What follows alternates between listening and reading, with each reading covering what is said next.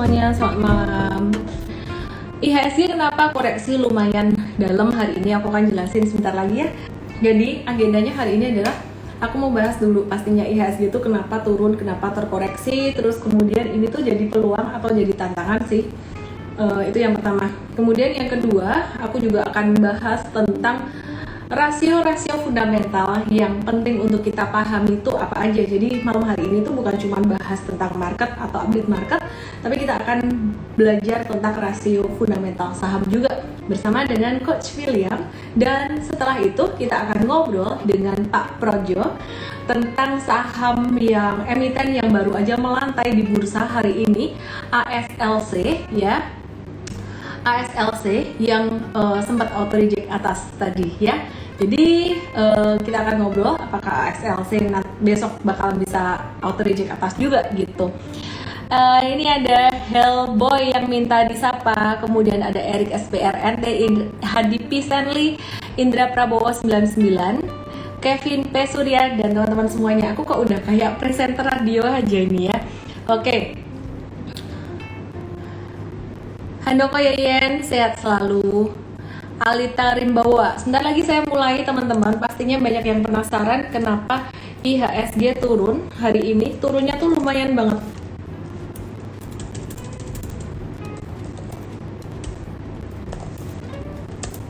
Turunnya lumayan banget ya. Dan uh, breaking down dari support 6630 aku akan bahas secara teknikal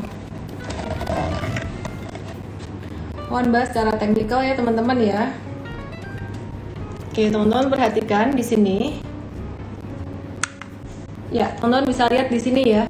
Ini IHSG yang kemarin sempat uh, membentuk higher low beberapa kali. Ini patternnya jadi mirip banget dengan November kemarin ya jadi setelah naik membentuk higher low higher low terus kemudian dia koreksi turun. Nah, jadi dengan ngelihat uh, pattern IHSG hari ini, ini kayaknya IHSG bakalan bisa kembali menguji supportnya di 6500. Nah, kenapa sih hari ini IHSG turun ya? Uh, turunnya IHSG hari ini ini 1,31% didorong oleh saham BBRI yang melemah 4,2%, kemudian Bank BRI 1,21%, Astra ya Astra International 1,36 persen. Kemudian Arto atau Bank Jago turun 6,95 persen. Auto Reject bawah MTEK juga ARB 6,76 persen. Dan BBHI turun 4,64 persen. Yang berhasil bertahan hijau tuh ICBP. Nah kalau kita perhatikan ya hari ini uh, untuk net buy sell-nya hari ini tuh asing justru net buy meskipun IHSG turun. Aneh ya. Asing net buy atau beli besi sebesar 110 miliar di pasar reguler ada net buy TLKM eh, sekitaran 123,2 miliar. Adaro 121,7 miliar gede Astra International net buy 62,7 miliar. Meskipun sebenarnya Astra hari ini turun tapi sebenarnya dia net buy. Bank Mandiri net buy 56,6 miliar dan yang menarik meskipun MTEK turun. MTEK turun sampai ARB ternyata ada akumulasi atau net buy 26,5 miliar. Nah, ini jadi peluang atau jadi tantangan sih sebenarnya. Yuk kita lihat satu persatu ya, teman-teman semuanya secara teknikal dulu baru abis ini kita akan belajar bersama dengan coach William. Kita akan belajar tentang apa ya? Tentang rasio fundamental analisis. Oke. Okay. Ini ada yang komen uh, Democi, BBRI, BNI dan BBC. BBC sedih banget aku. Oke, kita lihat satu-satu ya. Dari yang uh, paling gede dulu yaitu BCA. BCA tadi siang tuh sempat saya lihat dia koreksi ke level supportnya 7625. Siapa nih kemarin yang ngarep BCA turun nih? Beneran dikasih turun loh. Dan kalau dia turun itu nggak bertahan lama di bawah, pasti mengalami pantulan gitu uh, hari ini volume transaksinya lumayan tinggi. Sebenarnya tinggi ini bukan karena pas hijau doang, tadi pas merah juga udah lumayan tinggi gitu. Cuman kayaknya kalau BCA turun ini banyak yang terus nampung-nampung gitu. Nah, tips untuk investasi di saham-saham kayak gini, saham-saham macam BCA adalah teman-teman kalau pas naik tinggi itu jangan langsung diborong gede-gedean.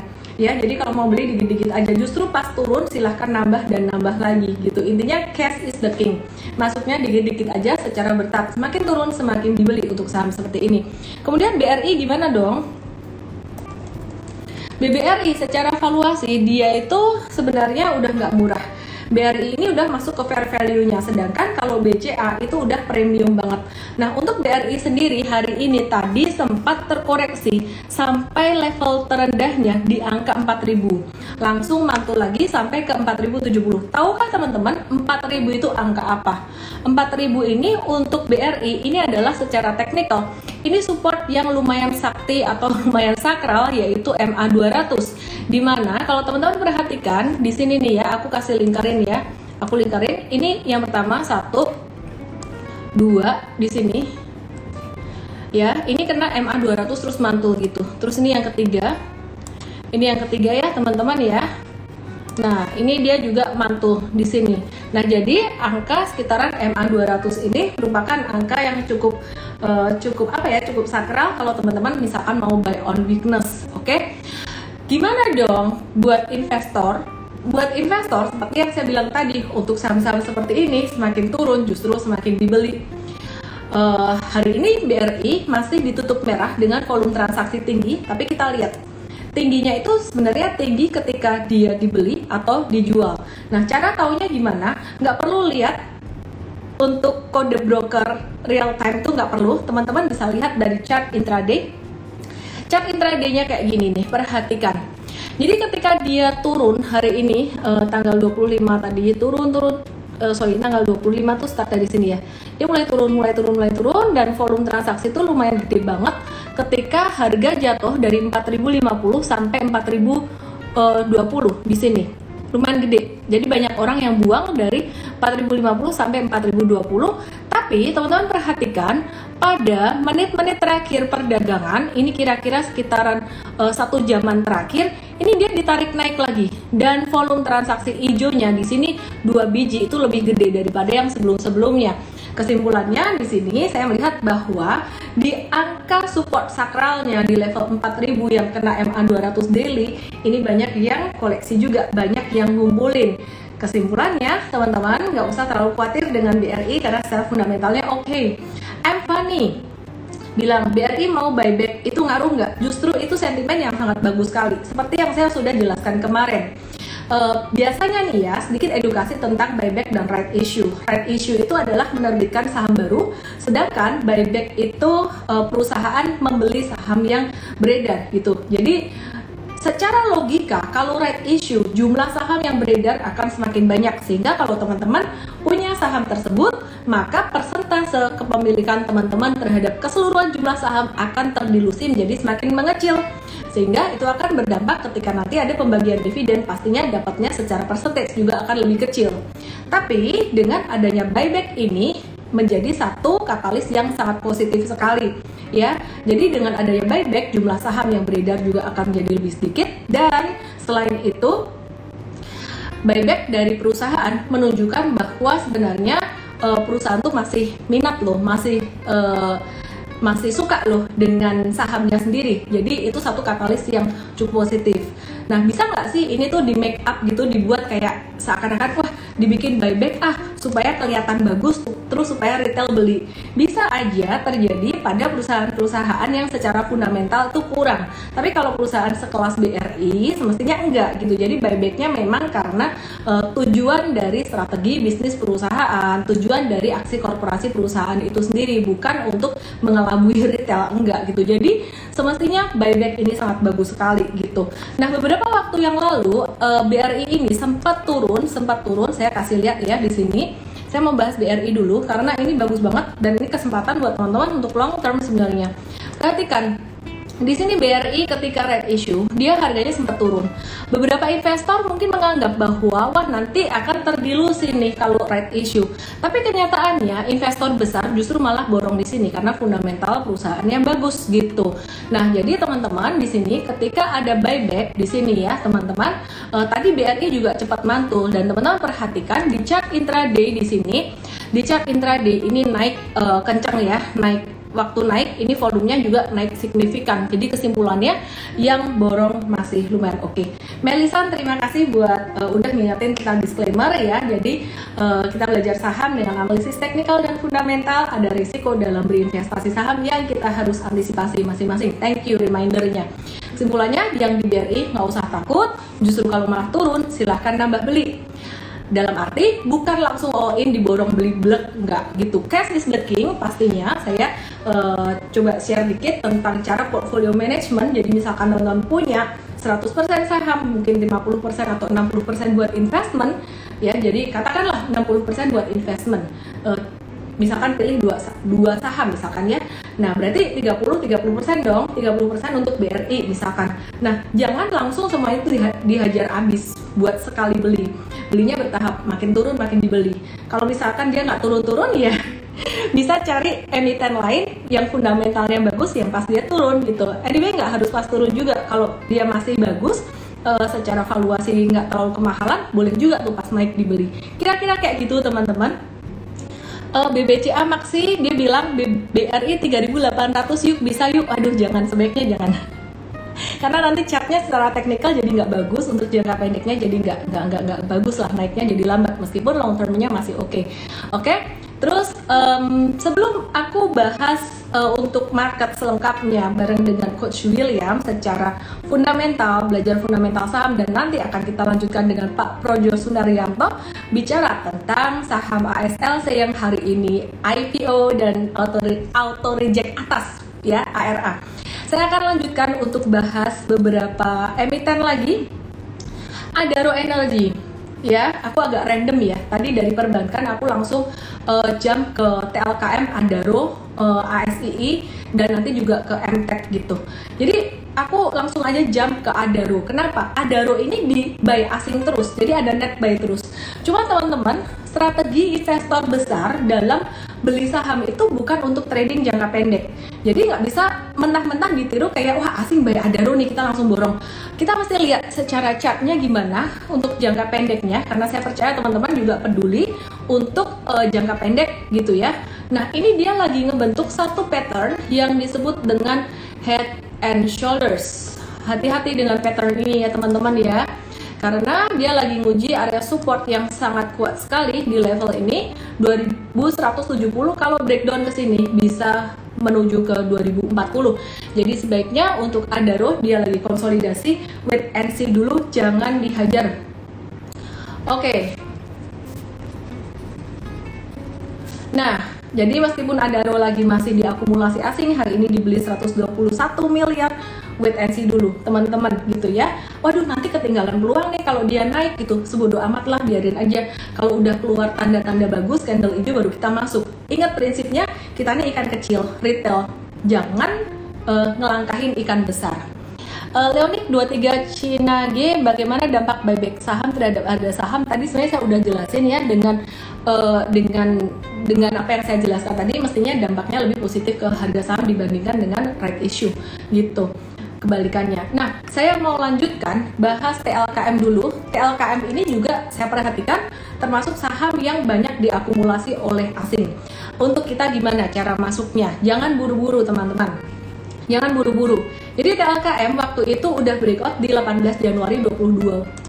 Nah, untuk M-Trade sendiri kita kayaknya ada nih TLKM hari ini justru Ya, hari ini kita ada beli untuk jangka menengahnya ini jangka pendek ya. Tadi kita ada beli TLKM karena dia mau breakout gitu. Tapi teman-teman kalau misalkan uh, teman-teman kalau misalkan mau beli banyak atau borong banyak jangan uh, terburu-buru ya. Jadi kalau misalkan mau beli banyak masuknya uh, saat ini itu jangan banyak-banyak dulu. Nanti tunggu koreksi sampai sekitaran level 4200 sampai 4240 gitu ya untuk jangka menengahnya.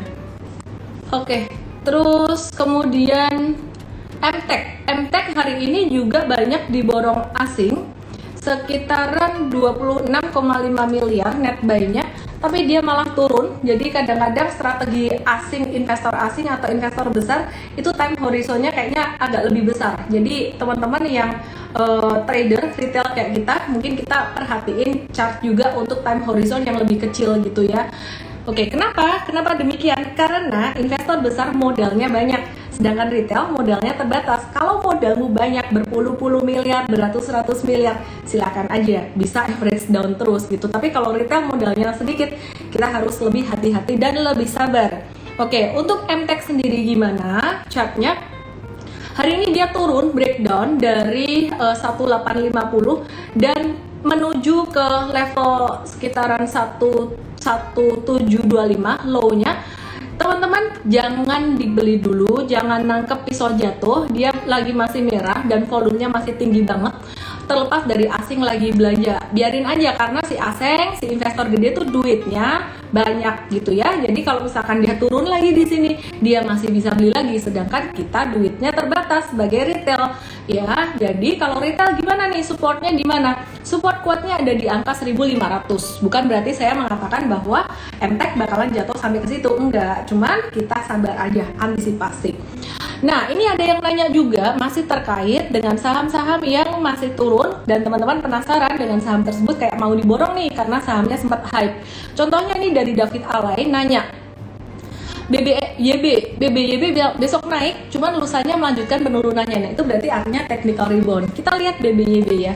Di Trade kita udah exit BBYB dari beberapa waktu yang lalu saya lupa tepatnya kapan bisa dilihat di historical stocks kita di uh, uh, stock pick kita ya Nah, BBYB ini dia udah patah tren. Secara ilmu teknikal dia udah patah tren satu patah, kemudian yang kedua patah dari sideways-nya. Ini, ini patah dari uptrend, yang biru ini patah dari sideways-nya dan juga MA-nya juga udah turun, dia patah dari MA-nya juga gitu. Dan kalau teman-teman perhatikan di sini ada pola inverse uh, saucer atau inverse uh, inverse apa namanya ya inverse cup handle gitu ya jadi uh, kalau diperhatiin target jatuhnya dia tuh bisa sampai di level berapa?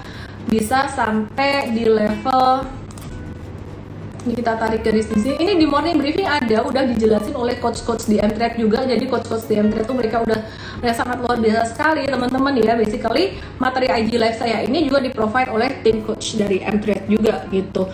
Nah jadi ini turun sampai level 1580 gitu ya, sampai uh, bisa berpotensi untuk terkoreksi sampai level 1580. Uh, eh, sementara masih downtrend, biarin dulu aja, jangan masuk Sedangkan kalau teman-teman yang kemarin beli uh, dulu punya, saya harap sih udah exit, udah keluar. Inilah mengapa saya bilang untuk saham-saham perbankan digital itu kita masih trading aja, masih pakai technical, belum berani untuk hold lama untuk uh, investasi yang lama banget gitu.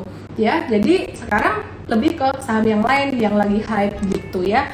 Nah, terus kita akan lihat untuk perbankan digital lainnya yang sekarang lagi hype ya kemungkinan akan bisa jadi the next BBYB dan juga jadi the next uh, the next atau mungkin one day kita akan live juga dengan manajemen ya. Sekarang kita lihat uh, dia lagi di area support banget sekitaran 5525 ya jadi di area dekat area support Eh, kita akan wait and see untuk buy on weakness hanya saja jika sampai dia breakdown. Kita kan semuanya pakai antisipasi ya. Nggak ada 100% pasti di market.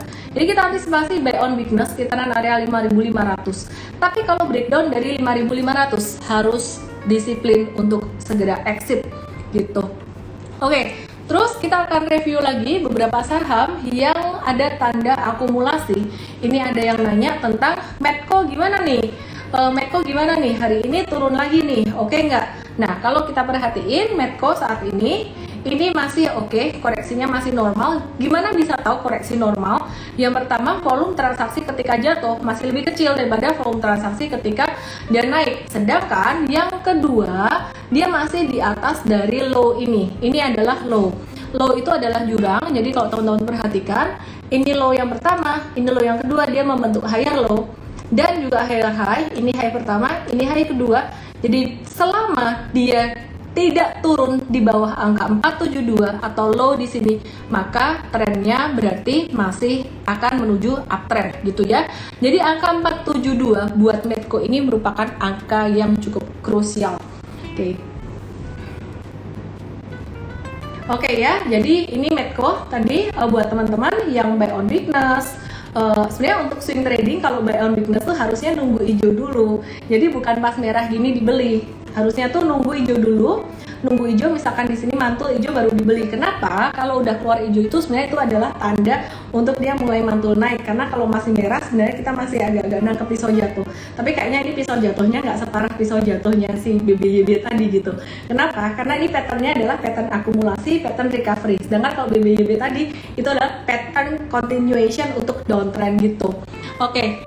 Um, aku akan invite coach um, William ya untuk kita bahas tentang analisis fundamental, rasio-rasio fundamental apa yang penting. Mungkin sebentar aja bareng coach William karena ini kita udah ditunggu juga bareng dengan Pak Projo sama ASLC tuh hari ini uh, auto reject atas. Gimana sih besok kita akan dengerin langsung dari emitennya.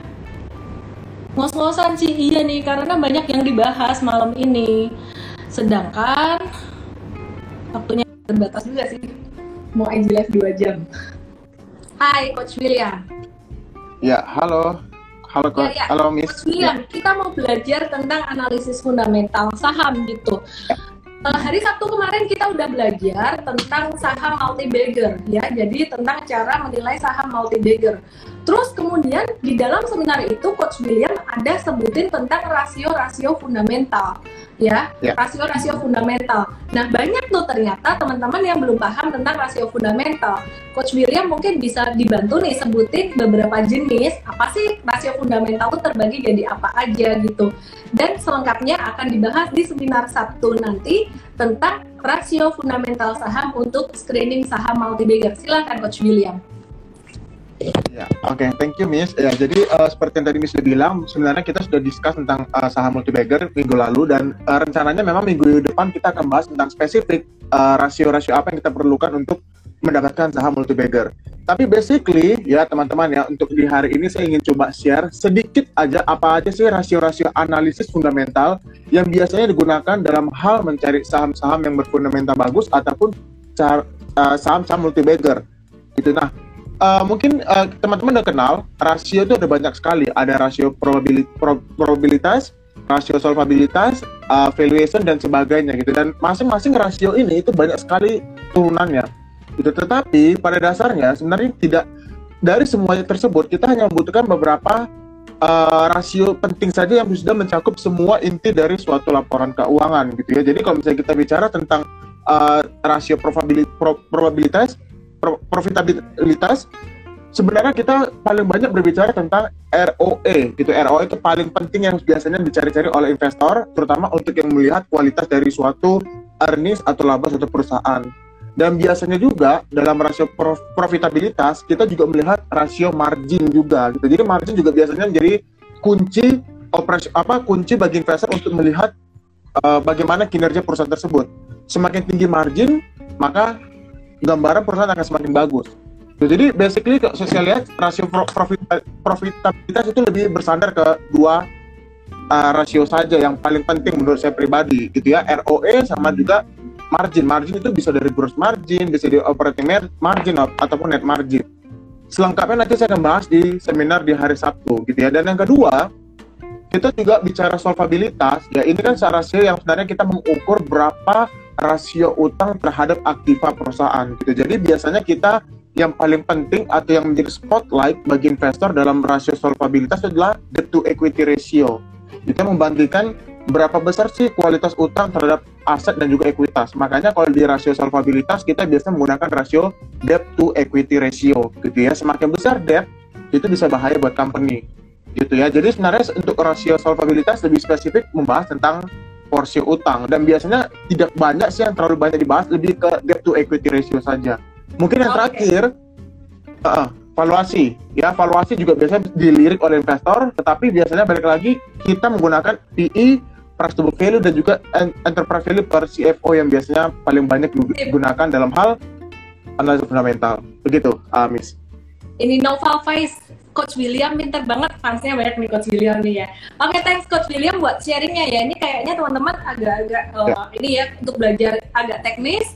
Selengkapnya besok Sabtu ya. Jadi kalau last week kita belajar tentang saham multi bagger itu gimana sih ciri-cirinya? Kita kan jump down lagi. Kenapa sih pakai rasio ini ini? Ini tuh mindsetnya gimana gitu. Sabtu jam 10 pagi jangan lupa teman-teman kalau mau join uh, seminar ini silahkan daftar sebagai user yeah. VIP Trade dengan cara klik link di bio. Oke, okay, thank you Coach William. Kita ketemu dengan Coach William besok thank satu. You. Thank you Coach. Sekarang kita akan sambung dengan Pak Projo. Oke, kita akan ke uh, invite Pak Projo, komisaris dari ASLC. Ini ada yang bilang, SRG Sang, harga nggak tentu begini cocok beli BCA yang di sayang bandar. Iya emang, karena aku udah bilang uh, portfolionya harus ada yang buat nahan gitu ya. Jadi harus ada saham yang buat nahan, jangan semuanya saham yang buat di tradingin semua gitu ya. Oke. Eh ternyata seminar besok hari Sabtu tuh gratis loh teman-teman gratis. Jadi langsung aja download aplikasi Mtrade teman-teman bisa nonton semuanya. Rasio uh, fundamental untuk screening saham multi bagger ya. Oke. Okay. ya jadi langsung aja download Mtrade dan join besok Sabtu jam 10 pagi. Kita masih menunggu Pak Projo. Oke, sambil nunggu Pak Projo, kita akan bahas saham-saham yang lainnya ya ini tadi pada nanyain tentang MTech gitu. MTech aku udah bahas. Meskipun asing hari ini ada net buy sekitar 26,5 eh, miliar, MTech jangan beli dulu lah teman-teman ya. Asing itu investor asing atau investor institusi duitnya banyak. Jadi kalau beli sekarang nanti jatuh lagi sampai 1.500 itu beli lagi masih bisa. 26,5 miliar tuh kecil buat mereka gitu. Sedangkan kalau retail kita harus being very careful. Prinsipnya sama, cash is the king. Jadi teman-teman ditunggu aja. Uh, saya nggak bilang MTech bakalan jatuh sampai 1.500, cuman sekarang jatuhnya hari ini volumenya masih tinggi. Jadi jangan tangkap pisau jatuh, itulah teman-teman kira-kira. Oke, terus uh, saya saya akan bahas saham yang lainnya yang hari ini juga pastinya bikin teman-teman penasaran Indi, Indika Energy. Kemarin tuh Indi naik kenceng nih hari ini Indinya turun. Jadi gimana dong yang punya saham Indi boleh hold atau malah jual atau malah justru ini waktunya beli lagi? Oke teman-teman bisa lihat di sini nih ya hari ini Indi turun. Buat swing trader, kemungkinan hari ini tadi udah jualan gitu ya, karena candlenya merah. Tapi sebenarnya untuk teman-teman yang jangka menengah ini masih bisa hold karena ini koreksi yang masih normal dibandingkan kemarin juga masih banyak uh, akumulasinya, banyak belinya kemarin. Dan kita lihat yuk, apakah hari ini merah dengan volume yang lumayan tinggi ini, ini semuanya jualan. Sekali lagi kita lihat dari intraday ya, kita lihat dari intradaynya uh, untuk Indi Nah, hari ini tuh tadi di jam 9 pagi memang ada banyak yang jualan. Dari harga 2090 sampai level 1905 2090 sampai 1905 nah sedangkan uh, teman-teman bisa perhatikan di sini pas dia di very bottom itu di angka 1845 sampai di angka 1865 ini justru banyak yang borong dan volume transaksinya cukup tinggi. Di sini ada dua hijau tinggi dan satu merah kecil. Ya, saya rasa ini para scalper lah, teman-teman yang scalping uh, lihat market hari ini turun, banyak saham yang turun, mereka mau amanin amanin profit dulu. Ini retail ya. Ya, jadi kalau teman-teman uh, mau buy on weakness untuk ini disclaimer juga ya teman-teman ya. Ini teman-teman bisa nungguin di level sekitaran 1800 sampai dengan 1700, 1690, 1680 pun masih oke. Okay. Jadi angkanya adalah 1800 sampai 1680 itu best price, best price. Selama dia jatuhnya volume transaksinya masih lebih kecil daripada pas dia naik, artinya ini masih koreksi normal dan perjalanan saham dari abis dia turun terus kemudian dia base mau naik lagi memang tidak mudah kenapa seperti yang saya bilang sebelumnya banyak nyangkuters apalagi ini kemarin naiknya kencang banget 24% hari ini market jelek pastinya para retail banyak yang khawatir gitu jadi uh, teman-teman nggak usah terlalu worry untuk yang jangka menengah untuk kalau misalkan teman-teman worry, uh, ya jangan jadi trader jangka menengah, jadi swing trader aja, cuan bungkus gitu ya. Nah kalau cuan bungkus resikonya adalah hilang barang, misalkan dia lanjut naik gitu. Akhirnya Pak Projo bisa masuk iya, ya, tadi saya sempat ya. penasaran nggak bisa ini. Oke. Okay. Iya. Ya, sorry sorry. Nggak apa-apa. Pak Projo, selamat malam. Nah ini adalah malam malam.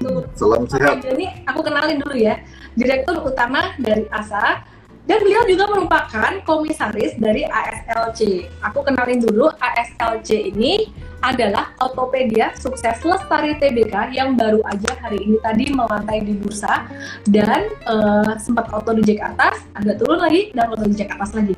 Sebelum kita lanjutkan ngobrol dengan Pak Projo, saya mau kasih disclaimer dulu bahwa uh, acara malam hari ini sifatnya adalah edukasi, bukan sebagai perintah beli dan jual, dan bukan merupakan rekomendasi.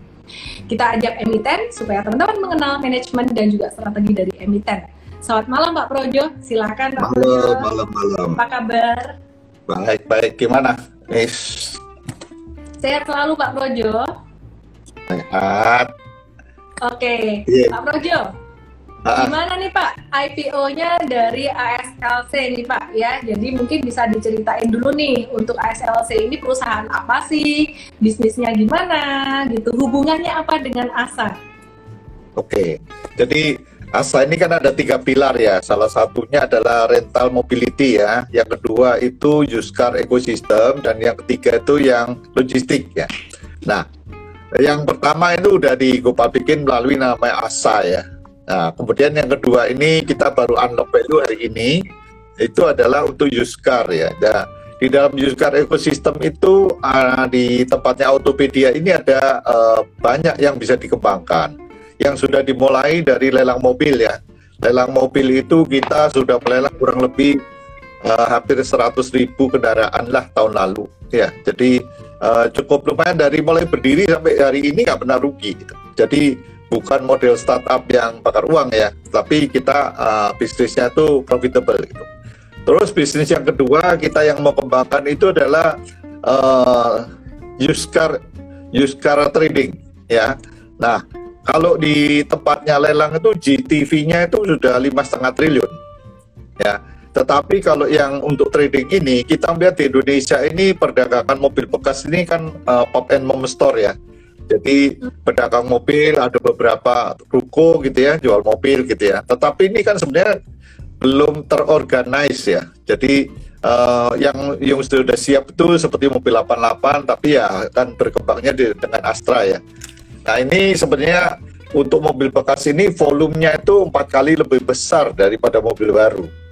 Dan kalau di mobil baru itu kan nasib tergantung dari ATPM ya. ATPM prinsipalnya kalau happy ya you dikasih margin gede gitu ya.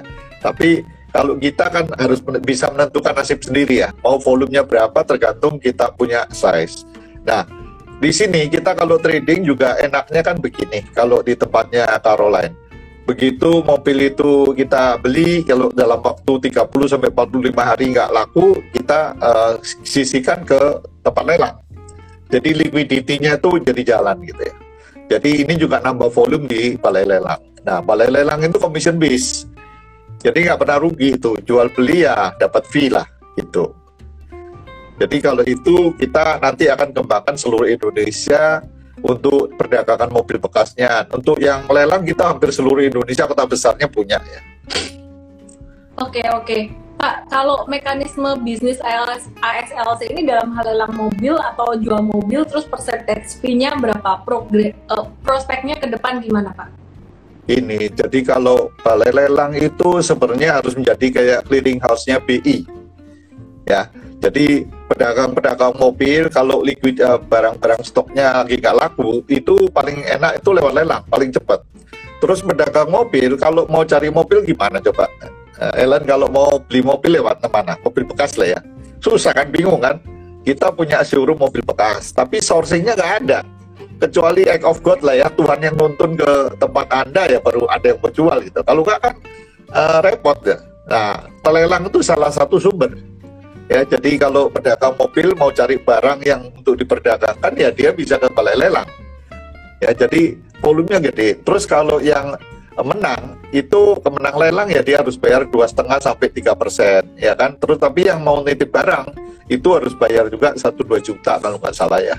Jadi uh, kiri kanan dapat gitu ya. Oke Pak mau nanya nih untuk SLC sendiri ini perusahaannya untung ya Pak ya? Untung dari mulai berdiri untung nggak pernah rugi nih karena VPs ya. Net profit margin berapa Pak kalau di luar negeri ya, ini kan kita belum major ya, kita sudah sekitar uh, hampir 30 persen ya.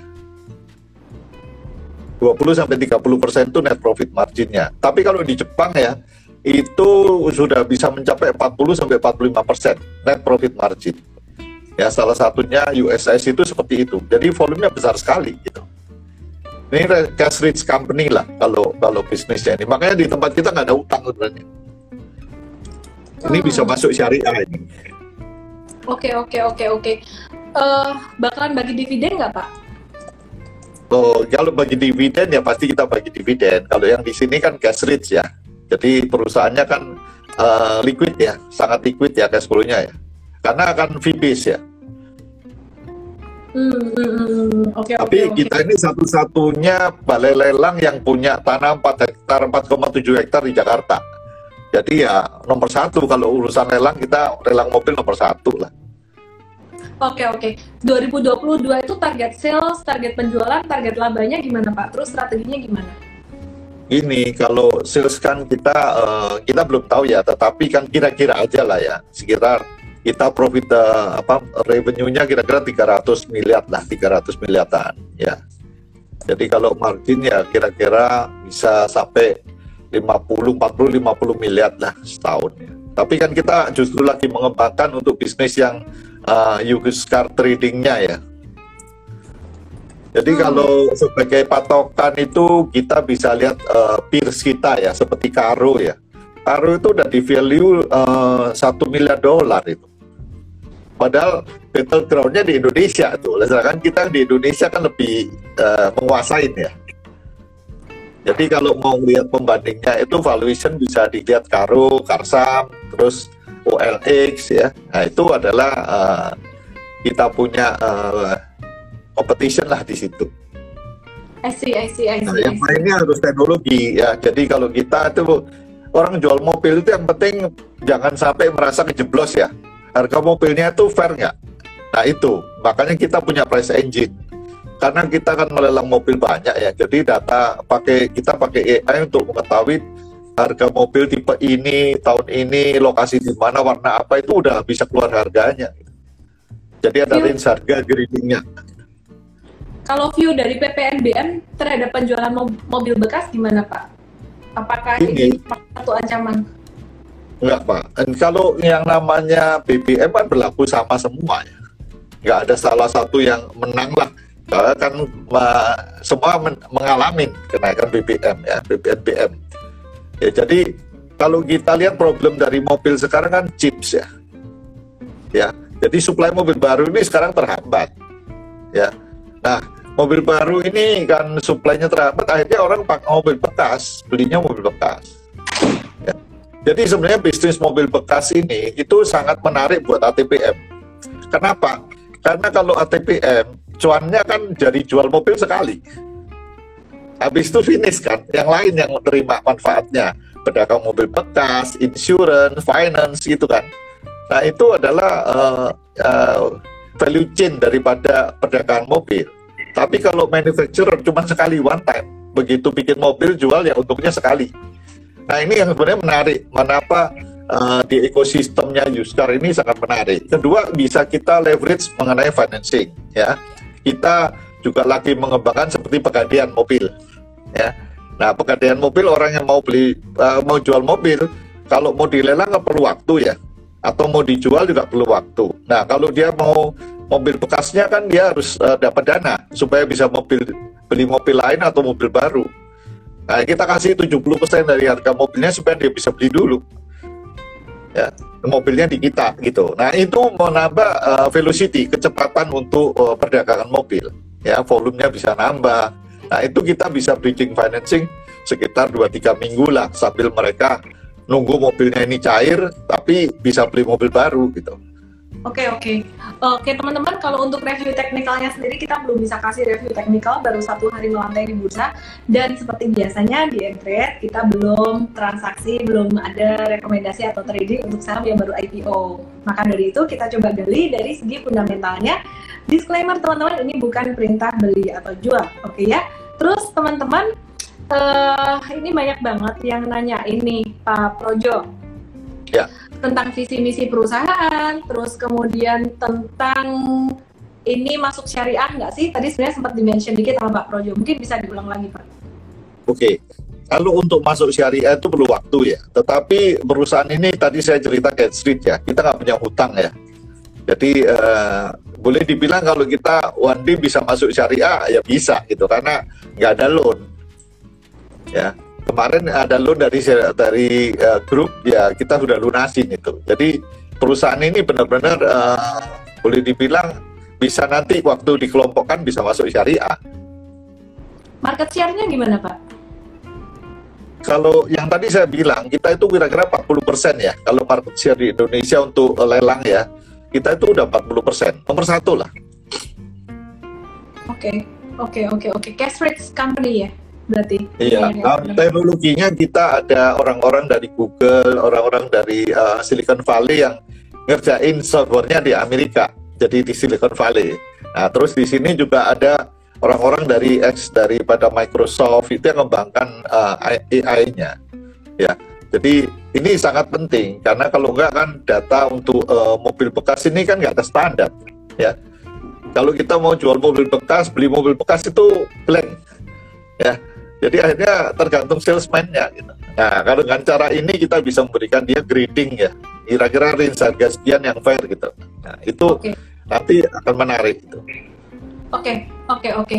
Eh, Pak Projo, ini tadi bentar aku coba tadi mau nanya apa jadi kelupaan. Oke, aku ada aku ada satu insight sih.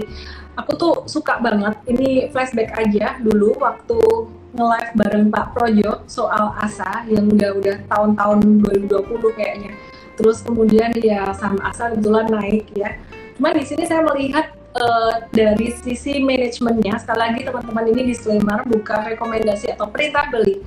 Uh, saya melihat dari manajemennya di mana uh, ASA meskipun hari ini harga sahamnya turun ya ada fluktuasi lah. Secara pengembangan itu sangat digitalized banget dan udah pakai robot-robot kayak gitu, pakai AI gitu. Uh, nah, untuk ASLC sendiri, untuk pengembangan digitalnya tuh gimana sih Pak? Kan ini kan Pak Projo juga masih ada keterkaitan dengan ASLC sebagai komisaris gitu. Kira-kira gimana sih untuk pengembangan digitalnya gitu? Apakah nanti akan ada story-story digital yang bisa menarik perhatian investor besar? Ya, jadi uh, sebenarnya banyak yang bisa dikembangkan dari bisnis ini untuk uh, nantinya ya. Seperti one day kita bisa lakukan pengembangan seperti uh, network untuk bengkel. Jadi misalnya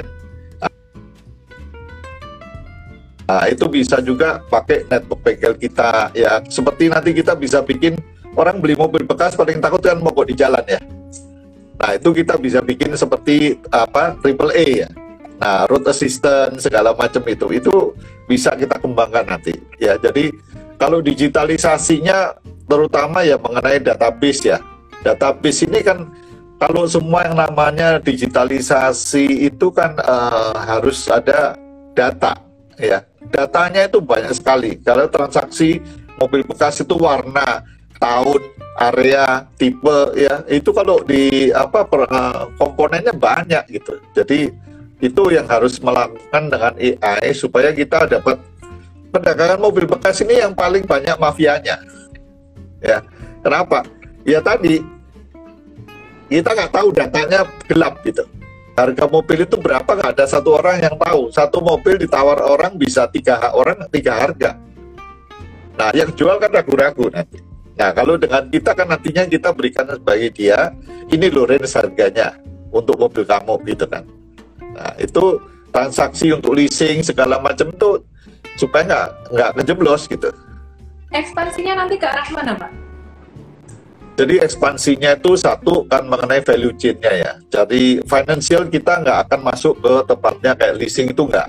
Tetapi kita bisa menjadi bridging financing ya. Tadi saya bilang uh, lembaga penggadean lah kalau mau uh, gade mobil supaya sambil nunggu mobil bekas yang dijual laku dia bisa dapat duit duluan ya bisa booking mobil baru atau mobil bekas lainnya Nah, sisanya kan difinance sama leasing gitu ya, sambil nunggu approval. Tetapi nah, mobilnya dapat harga yang terbaik ya, karena per, dia bisa kasih waktu. Kalau enggak kan, kalau kita punya mobil satu begitu mau dilelang atau dijual, nextnya belum dapat mobil naik apa ya kan. Sip nah itu Ya, teman-teman, jadi kalau bicara SLC sendiri, secara teknikal and trade kan namanya juga trade ya. Secara teknikal untuk trading kita belum ada rekomendasi menunggu pembentukan harga. Cuman secara fundamental, sekali lagi disclaimer ini bukan merupakan satu rekomendasi beli dan jual. Ini merupakan opini pribadi saya yang eh, teman-teman boleh dengar, teman-teman nggak dengar juga nggak apa-apa. Ya, jadi ambil keputusan dari diri sendiri. Menurut saya perusahaan ini menarik ya kenapa? Karena seperti yang teman-teman tulis sendiri di situ. Eh, tadi banyak yang komen teman-teman ini pintar sih sebenarnya semuanya udah pintar-pintar ngerti. Ini perusahaan yang cash rich company. Ya jadi cash rich company balik lagi kalau ke analisis fundamental kita balik lagi dari eh, dari dari satu lihat bisnis model pangsa pasar kemudian eh, manajemen kemudian profitability baru yang terakhir adalah valuasi gitu Nah, tadi kan ini secara nomor 1, 2, 3 kita udah bahas semua nih. Yang keempat terakhir nih, valuasi. Ini perusahaan termasuk growth company atau termasuk value company sih Pak? Valuasinya gimana saat ini? ini ini adalah growth dan value company. Kita mengapa bisa disebut value company? Kita lihat uh, competitionnya ya, seperti Karo tadi ya. Pembandingnya harus uh, benchmarknya kan harus uh, yang sejenis ya. Nah, Karo itu valuationnya uh, sudah sekitar satu satu miliar dolar. Ini perusahaan sebelum kita go public sudah ditawar nih, ya, ditawar dengan harga kira-kira 300 juta dolar lah gitu. Kan artinya sekitar ya 5T lah ya valuationnya ya.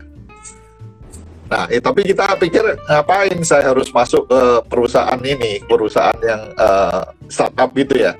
Lebih baik kita IPO-in sendiri gitu loh. Ya, ini cash rich gitu. Jadi buat kita ya ini eh, growing ya value-nya cukup bisa dikembangin ke yang lain-lain ya. Jadi kita ngeliat di Amerika itu ada yang nama Carvana. Jadi kalau mau baca ya, ada yang nama Carvana. Di China ada namanya Guasi ya.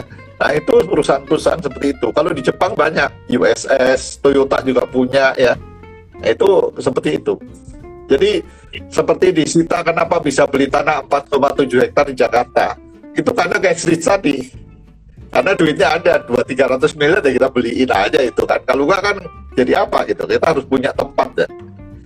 Hmm. Jadi nanti ke depan itu bisa tempat jadi gini. Kalau tarikan-tarikan leasing ya, mereka masing-masing kan disimpan di poolnya masing-masing. Padahal kalau mau dijual kan harus dibawa ke tempat lelang. Mobilisasinya kan costly. Nah begitu ada tarikan mobil bisa ditaruh di tempat kita. Jadi pas hari lelangnya tinggal didorong aja, ya kan? Nah sehingga nggak perlu security, nggak perlu punya pool, sehingga mereka sangat efisien. Nah ini kita bisa menjadi inventory management buat si perusahaan-perusahaan leasing atau pedagang mobil yang perlu mencairkan mobil.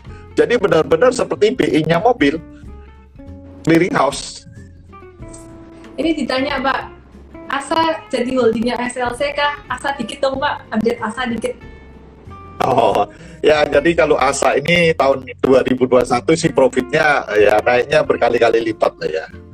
Jadi kalau eh, kita lihat memang growing-nya kan ada tiga sektor nih, ya mobility. Nah mobility itu ternyata kalau waktu COVID ini banyak ternyata perusahaan-perusahaan dan sektor pemerintahan uangnya untuk COVID nggak ada.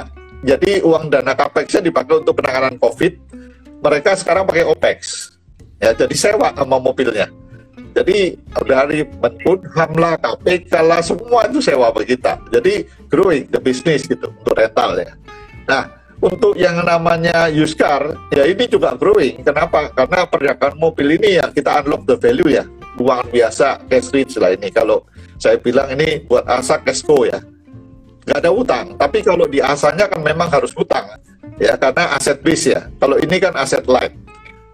Nah, kalau antar aja itu yang uh, growing-nya juga luar biasa. Sekarang waktu 12-12 itu tanggal 12 dan 13 Desember itu bisa ngirim dua setengah juta parcel per day. Ya kita baru uh, dua tiga dua tahun setengah lah berdiri ya. Tapi kita sudah bisa ngirim sebesar itu. Kemudian kita sudah mulai coba pakai robotik ya. Robotik untuk uh, aku udah kirim ke Ellen juga ya robotnya ya. Jadi robotik itu akan mengurangi manpower pada waktu di sorting dan accuracy ya. Nah, ke depan ini mungkin sekitar sampai uh, Q1 Q2 kita akan nambahin robot-robot itu. Karena kalau pakai conveyor belt, itu kalau conveyor beltnya putus atau conveyor beltnya macet, satu juta parcel macet itu. Ya, tapi kalau robotnya rusak tinggal dicopot robot itu ganti robot yang lain. Ya, robot itu kayak aduh sapu otomatis itu. Ya, jadi uh, ini adalah untuk ASA itu menurut saya sih masih growingnya akan signifikan. Jadi kita masih expect growing itu minimum 30 persen. Ya, jadi kalau kita punya target top line-nya itu 5 triliun lebih lah tahun ini. Hmm. Oke, menarik banget Pak Projo. Hmm, ya kalau kalau turun ya hari ini kan turun nih kenapa kan? Ya ada juga. Saya akhirnya juga heran ya kenapa ada yang turun. Ternyata ada satu bandar lah ya yang mereka investasinya di di aset yang lain, saham yang lain lah. Oh, itu rugi. Jadi dia harus uh, ini recycle ini. Oh my god. Oke oke oke oke oke oke. Iya, jadi tapi ya memang kalau kita lihat memang jadi kalau memang kalau orang yang aset manajemen kan dia harus tanggung jawab lah ya. Dia kan ada portfolio ya. Ada yang untung, ada yang rugi ya. Dia waktu ada yang rugi banyak ya dia yang untung cairin dulu gitu kan. Oke oke oke oke. Ya intinya sih sebenarnya ada big money yang mereka lagi profit taking, lagi keluar apa pun alasannya ya teman-teman. Semua balik iya. ke fundamental. Kalau teman-teman mau hold untuk jangka panjang, kalau teman-teman mau trading trading aja jangka pendek ya balik ke chart kalau turun ya tinggal di cut loss, kalau mantul dibeli itu sesimpel itu sebenarnya. Aku mau komentar dikit tentang ASLC ini yang tadi saya bilang menarik untuk investasi jangka panjang. Terus abis saya komentar gitu, langsung pada komen yuk borong yuk, yuk HK yuk, yuk apa tadi all in yuk. Ingat teman-teman, prinsipnya dalam berinvestasi adalah cash is the king dan dalam portfolio management jangan semuanya diisi satu saham tertentu dan juga saham second liner gitu ya. Jadi caranya adalah penuhi dulu portfoliomu itu dengan batu-batu besar, baru kemudian embernya diisi batu besar, kemudian batu yang lebih kecil atau kerikil, dan kemudian batu yang lebih kecil lagi atau pasirnya gitu secara nalar teman-teman mesti isi portfolionya dengan saham-saham yang bisa menahan portfoliomu itu nggak terlalu bumpy. Pakai strateginya aset management lah gitu. Jadi isi dengan saham-saham yang jadi drivernya IHSG kapitalisasi gede dan free float gede. Seperti contohnya BCA BRI lagi diskon tuh boleh boleh disusun di situ. Baru kemudian alokasikan sebagian lagi mungkin beberapa e, persen untuk uh, trading dan juga untuk investasi tapi bukan pada saham-saham yang di caps investasi pada saham-saham second liner.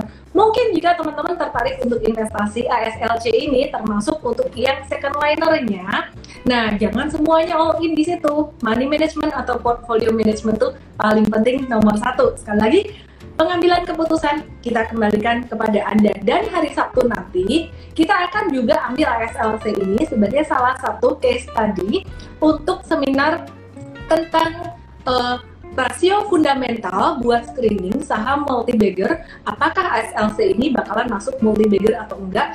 Menarik banget satu jam 10 pagi langsung aja ikut seminar di Entret caranya mudah dan gratis. Kali ini bukan untuk VIP user gratis untuk semuanya. Langsung aja download dan juga klik uh, bannernya hari Sabtu jam 10 pagi ya. Thank you so much Pak Projo yang udah kasih pencerahan buat teman-teman semuanya.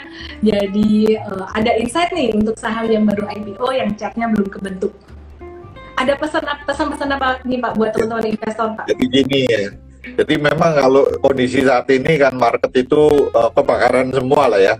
Jadi uh, ada beberapa faktor menurut saya. Satu di luar negeri lah ya itu ada faktor Rusia. Ya, faktor Rusia itu kita nggak tahu ini jadi perang apa enggak itu, karena ini mempengaruhi.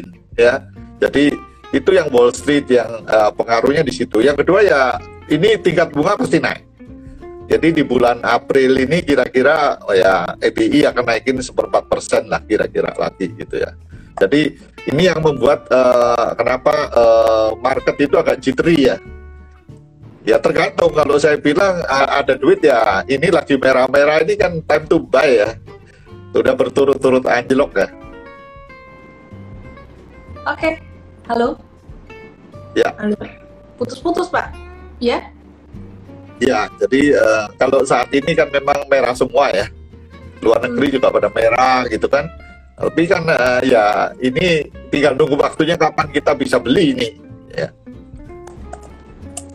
Oke, oke, oke, oke. Ya deh, teman-teman kita ketemu besok jam 8 malam lagi.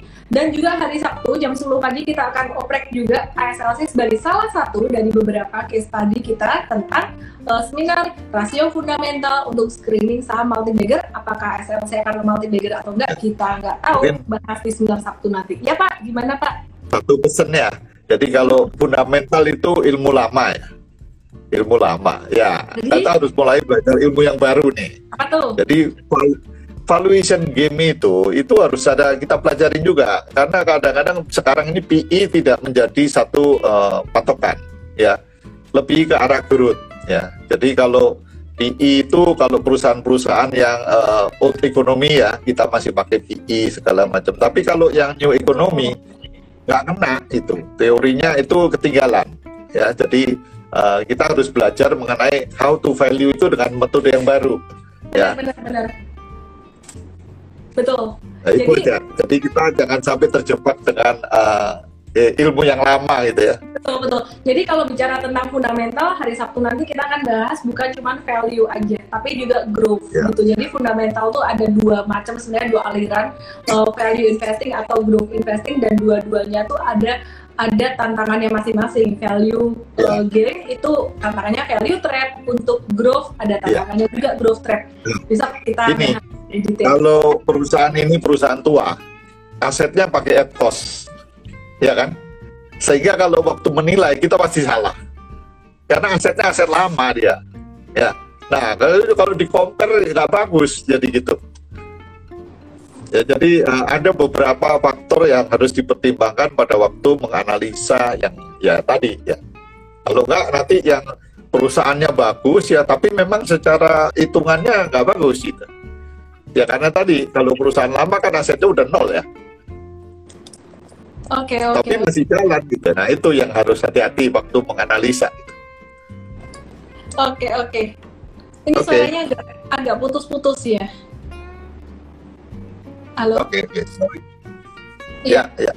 Iya, sorry sorry Pak. Sorry kalau saya agak motong di tengah-tengah karena suaranya agak putus-putus tadi. Eh, ya, anyway, eh, kita terima kasih banget buat Pak Projo buat pencerahannya malam hari ini. Sekali lagi teman-teman, pengambilan keputusan ada di tangan Anda dan ada risiko, ada reward dalam eh, trading dan investasi saham. Yang terpenting adalah manajemen risiko.